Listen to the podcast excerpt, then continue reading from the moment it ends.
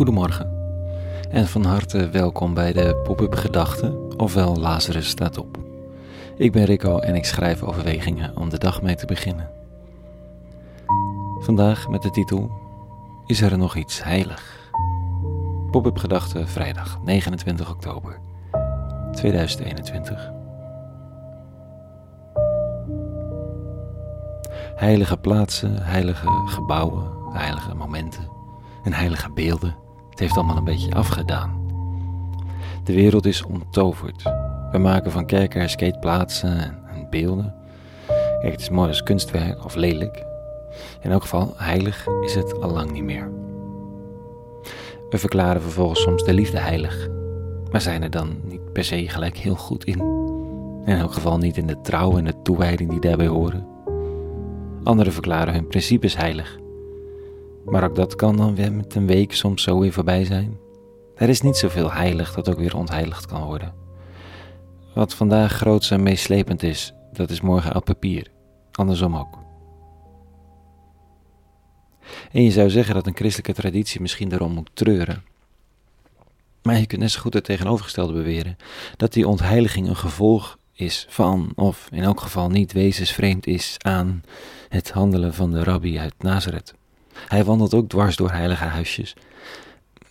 En het is hoogstwaarschijnlijk zijn ontheiligende handelen die hem de das omdoet.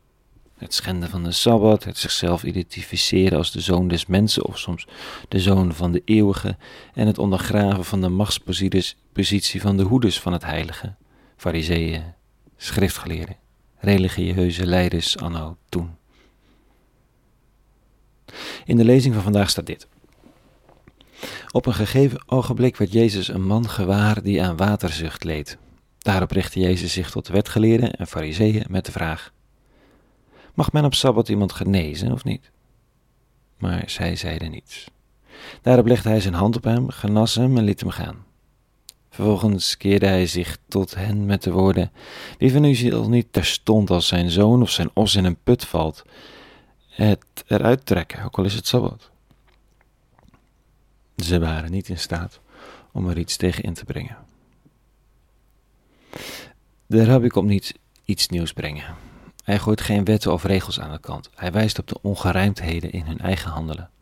En laten we wel wezen, ons handelen is voortdurend ongerijmd. En het is onwijs vervelend om daar steeds weer op gewezen te worden. Toch, boe, strijden voor klimaat of je daar zorgen om maken en in de rij staan voor het vliegtuig. Andere mensen zeggen dat ze rust moeten nemen en jezelf het schompers werken, liefde breken en dan toch ongemakkelijke mensen buitensluiten. Het lukt ons helemaal niet zo goed om consequent te zijn.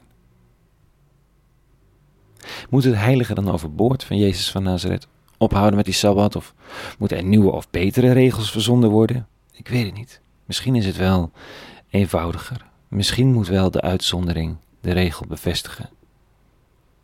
Hou de Sabbat, leef heilig, hou er harde regels op na en maak voortdurend uitzonderingen. Wees bereid om aan de lopende band vanwege een nieuw inzicht of een moment dat je niet had verwacht, de eigen gekozen regels of manieren van leven te parkeren om ruimte te bieden aan dat wat er op je pad komt. Laat heilige gebouwen heilig zijn, tenzij er een aantal ongedocumenteerden nergens veilig is. Eet geen vlees, tenzij je in een situatie komt waarbij het beter is om wel het eten met iemand te delen, ook al is het niet vegetarisch, dan om vast te houden aan de principes. Neem je rust, tenzij er een andere noodzaak je dringt om flexibel te zijn. Dat betekent dus dat je nooit kunt ophouden met afwegen. Dat er geen enkele regel van ijzer is en inderdaad geen enkel principe heilig, behalve dan deze dat je de wereld niet zodanig kunt overzien dat je regels en principes erop na kunt houden die altijd en overal gelden. Daarvoor hebben we domweg te weinig inzicht. Is er dan niets heilig? Jawel, heel veel. Maar we weten te weinig van de situaties die zich kunnen voordoen, dus we kunnen nooit stoppen met het een tegen het ander afwegen. We zijn God niet.